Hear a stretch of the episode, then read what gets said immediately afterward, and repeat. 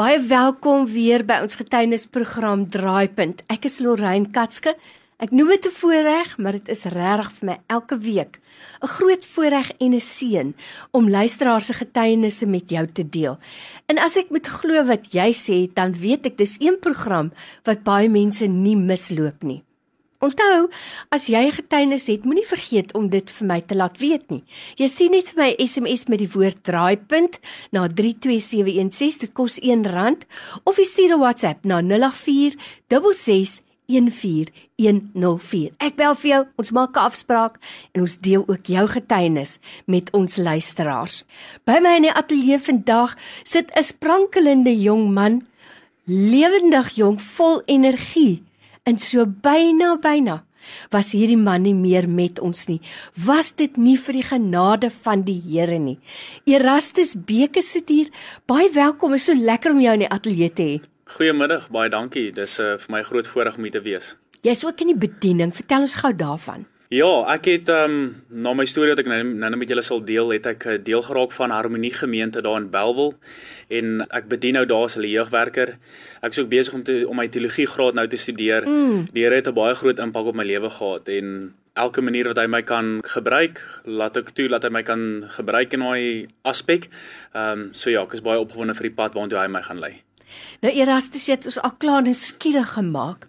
Maar jy weet, Ek dink min mense van ons kan werklik sê dat ons by die dood omgedraai het of dat daar 'n dag was wat ons die dood in die oë gestaar het. Maar jy's nou een van daai mense wat 'n tweede kans gekry het. Vertel ons van jou ontbering. Ja, dit is dit is regtig eintlik 'n 'n tweede kans gewees want as jy gaan terugkyk na die na dit wat met my gebeur het wat ek nou 'n bietjie oor sal uitbrei, is die kanse vir my om dit te geoorleef het was is eintlik maar nul gewees. Ehm oh, um, dis nogal goed dat ons dit nou opneem want dit is nou 2 jaar terug wat dit gebeur het en in hierdie tyd het was ons besig om 'n boot af te lewer vanaf Singapore na Auckland in Nieu-Seeland. Nou om vir jou 'n idee te gee, dit is omtrent 12000 km se se roete wat ons sou wat ons moes geseil het en ons het beraam so om so net so 'n maand en 'n half te vat. Op die ou en hierdie roete ons toe 2 maande gevat, die windomstandighede en goed bietjie moeilik was. Maar waaroor dit nou eintlik gaan om nou 'n baie lang storie kort te maak. Ons was drie bemanningslede op 'n op 'n klein seiljag wat die die eienaar gekoop het wat in Nieu-Seeland gebly het en die boot was in Asië gewees. En ons het toe die werk gekry om die boot van Singapore af Auckland toe te seil en dan sou hulle ons teruggevlieg het en ons sou so verder gegaan het. Die roete was eerstens baie gevaarlik. Ons is die derde groep mans of eh, die derde bemanningsgroep wat gevra is om dit te doen mm. as gevolg van tornado's en siklone sure. en ook erg seerowery in die gebied waar ons sou geseil geseil het omdat die Indonesië vissermanne so swaar kry in die Sulu en die Celebi See Um gaan baie van hulle oor in seerowery om hulle mm. families te voer wat mens kan verstaan maar hulle is baie moorddadig ook van hulle. Sjoe. So dit het baie mense afgeskrik, maar toe ek die geleentheid het om dit te kan doen, het ek dit met albei hande aangegryp. En ons het vertrek hier rondom die die 10 Augustus is ons weg uit Singapore uit. En ons het baie lekker geseil en dinge baie goed gegaan omdat ons 3 was, het ons watches gehad wat ons maar moes gesit het 3 ure in die aand en 4 ure deur die deur die dag. So dit het ons maar heeltyd so in 'n in 'n gewoonte ingekry en jy moet maar uitkyk vir goed wat dryf en dat jy op roete is en jou windspoed want as daar nou 'n erge wrikwind kom met die hoeveelheid seil wat jy uit het, kan jy dalk 'n seil skeer of mm. jy moet daarom seker maak jy seil in die regte rigting ook. Sjoe. En ehm um, Ons het deur die seerower gebiede gegaan sonder enige voorvalle. Daar het 'n paar vissermansbote baie ongemaklik naby eintlik gekom. Ja. Maar ons het net daarom vir hulle gewys ons is weet ons wil nie eintlik iets moeilikheid of so hê nie. En ek dink is ook maar die Here wat ons bewaar het teen daai tyd. Maar die, die hartseer ding is dat dat my lewenstyl het nie eintlik die vrugte gewys wat dit moes gewys het teen daai tyd en die manier hoe ek groot geword het en ook eintlik hoe ek al die Here geken het nie. So ek het weggedryf van hom af, mm. wegdryf in 'n boot. Sjoe. Sorry vir die vir die vergelyking, maar dit pas ja. mooi in. So die Here het ons regtig deur dit bewaar en kom toe September maand, so toe is ons nou amper 1 maand in die in die in die vaart in en dit is dit is nou so halfpad. Was ek so na 11:00 die oggend buite op die boot besig met my watch. Mm. En dit was my beurt om wasgoed te was. Soos dit maar die gewoonte is, jy weet, ma en pa is nie daar, jy het nie 'n wasmasjien, jy moet mm. maar goed met die hand met 'n emmer was en alles. En ek was besig met die emmer en ons het maar gewoonlik water geskep agter die boot terwyl ons besig is om te om te seil. Dan het ons maar die so die klere in soutwater mag gewas en dan net met vars water uitgespoel om nou maar die water te spaar. Omdat ek van die water moes gaan skep het agter net om nog een laken uit te spoel. Dit was 'n rustige dag en ons kon nie seil nie want daar was nie wind nie, so die boot was op engine gewees. En ek het gegaan om weer die water te skep en die emmer het uit my hand uit gegly en in die proses om hom weer oh. te gryp, het dit het ek van die boot af geval. En ek dink ek hoef te verduidelik wat so groot fout daai eintlik is as dit gebeur nie. Dis 'n ongelooflike groot ding dat as jy dis die ergste ding as jy van 'n boot af val. Maar my bemanningslede het nie geweet dat ek van die boot af is nie. Nee. So, hulle het aangehou seil, die kaptein was besig en die ander nee. bemanningslid het geslaap. En ek het dadelik besef ek's in baie groot moeilikheid. Sjoe. Maar om so 'n stappie terug te gee, het ek net voordat ek op die op die vaart gegaan het, het my ma met my 'n gedeelte gedeel van Hagar en Ismael.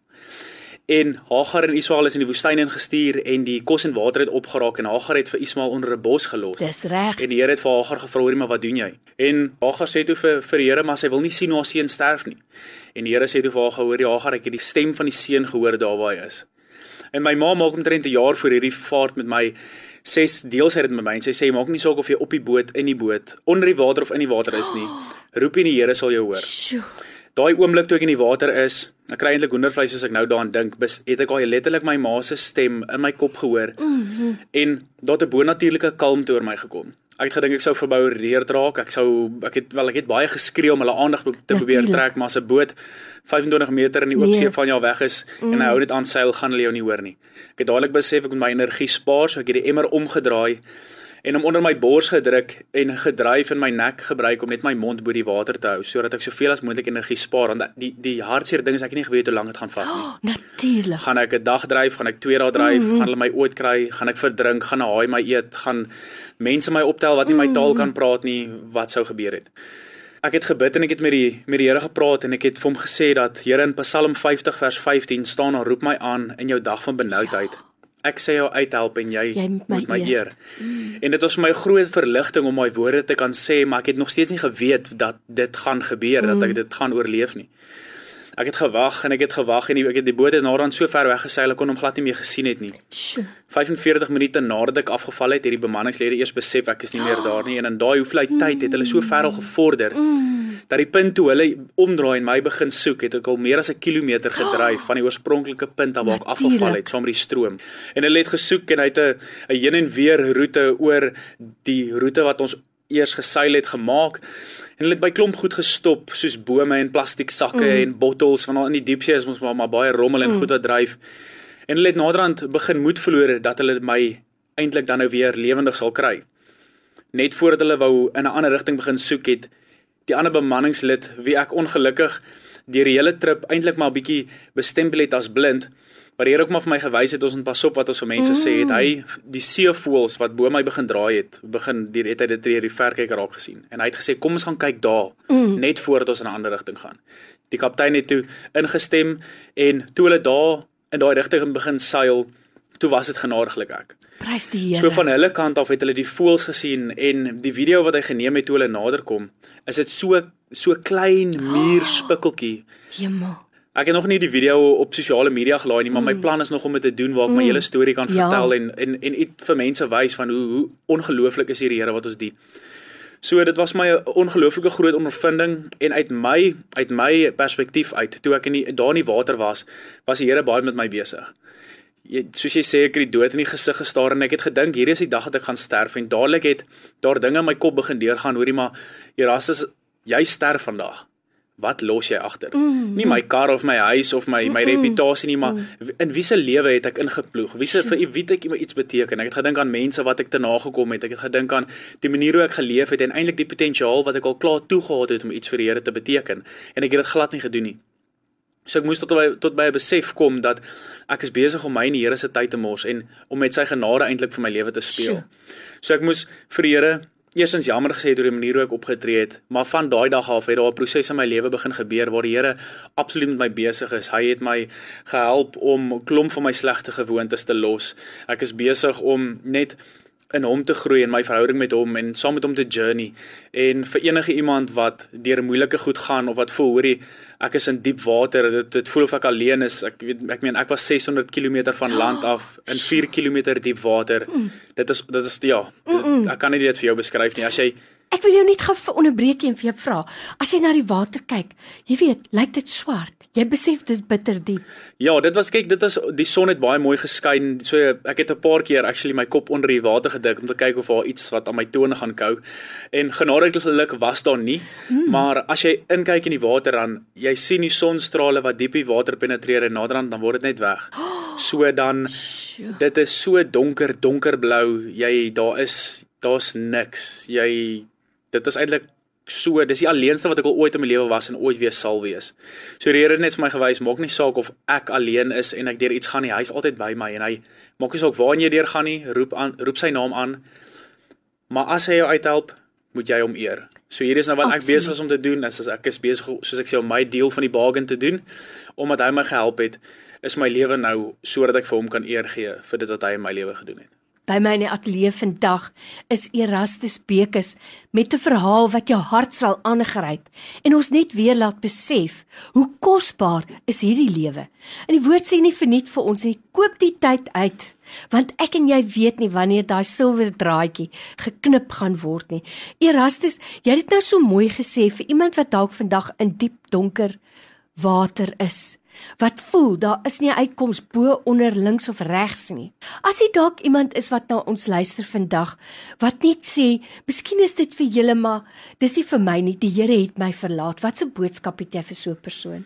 Dis eintlik vir my ongelooflik om dit te kan deel, want ons kan 'n verhouding hê met die verlosser wat op water loop. Amen. Dit maak nie saak hoe diep jy hoe jou water rondom jou voel nie. Maak nie saak of jy voel of jy geïsoleerd is in die diepste see op die alleenste eiland. Die Here is altyd by jou jy kan net jou hande na hom toe uitsteek en hy sal jou soos 'n vader omhels en hy sal jou help en op 'n pad saam met jou stap sodat jy die beste weergawe vir hom en vir sy plan kan wees. Wat 'n kragtige getuienis baie baie dankie.